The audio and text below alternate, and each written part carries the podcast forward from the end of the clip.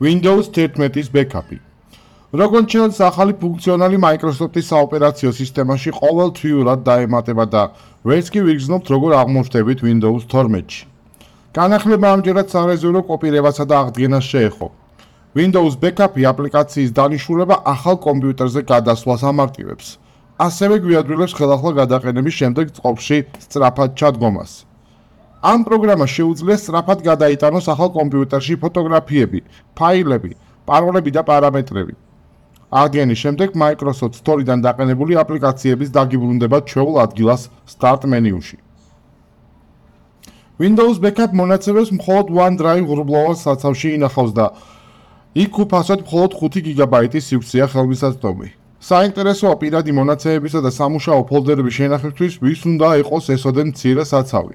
როგორც ჩანს, Microsoft-ი ამით საკუთარი შემოსავლების გაზრდაზეც ზრუნავს. ფუნქციონალი ინსაიდერებისთვისაა და ჯერჯერობით OneDrive-თან წინა გამოცდილებიდან გამომდინარე არ გირჩევთ სერიოზული მონაცემები ანდოთ Microsoft-ს, რომელსაც არაერთხელ გაუნადგურებია წლების შრომა არაერთი მომხმარებლისთვის. მე კი ბექაპისთვის პროფესიონალურ გადაწყვეტილებას გირჩევთ, რომელიც არც ერთ cloud-ზე არ იქნება დამოკიდებული და სრულად თქვენი კონტროლის ქვეშ იმუშავებს. არ მოგერიდოთ, Oktarı сайты сервер админ G.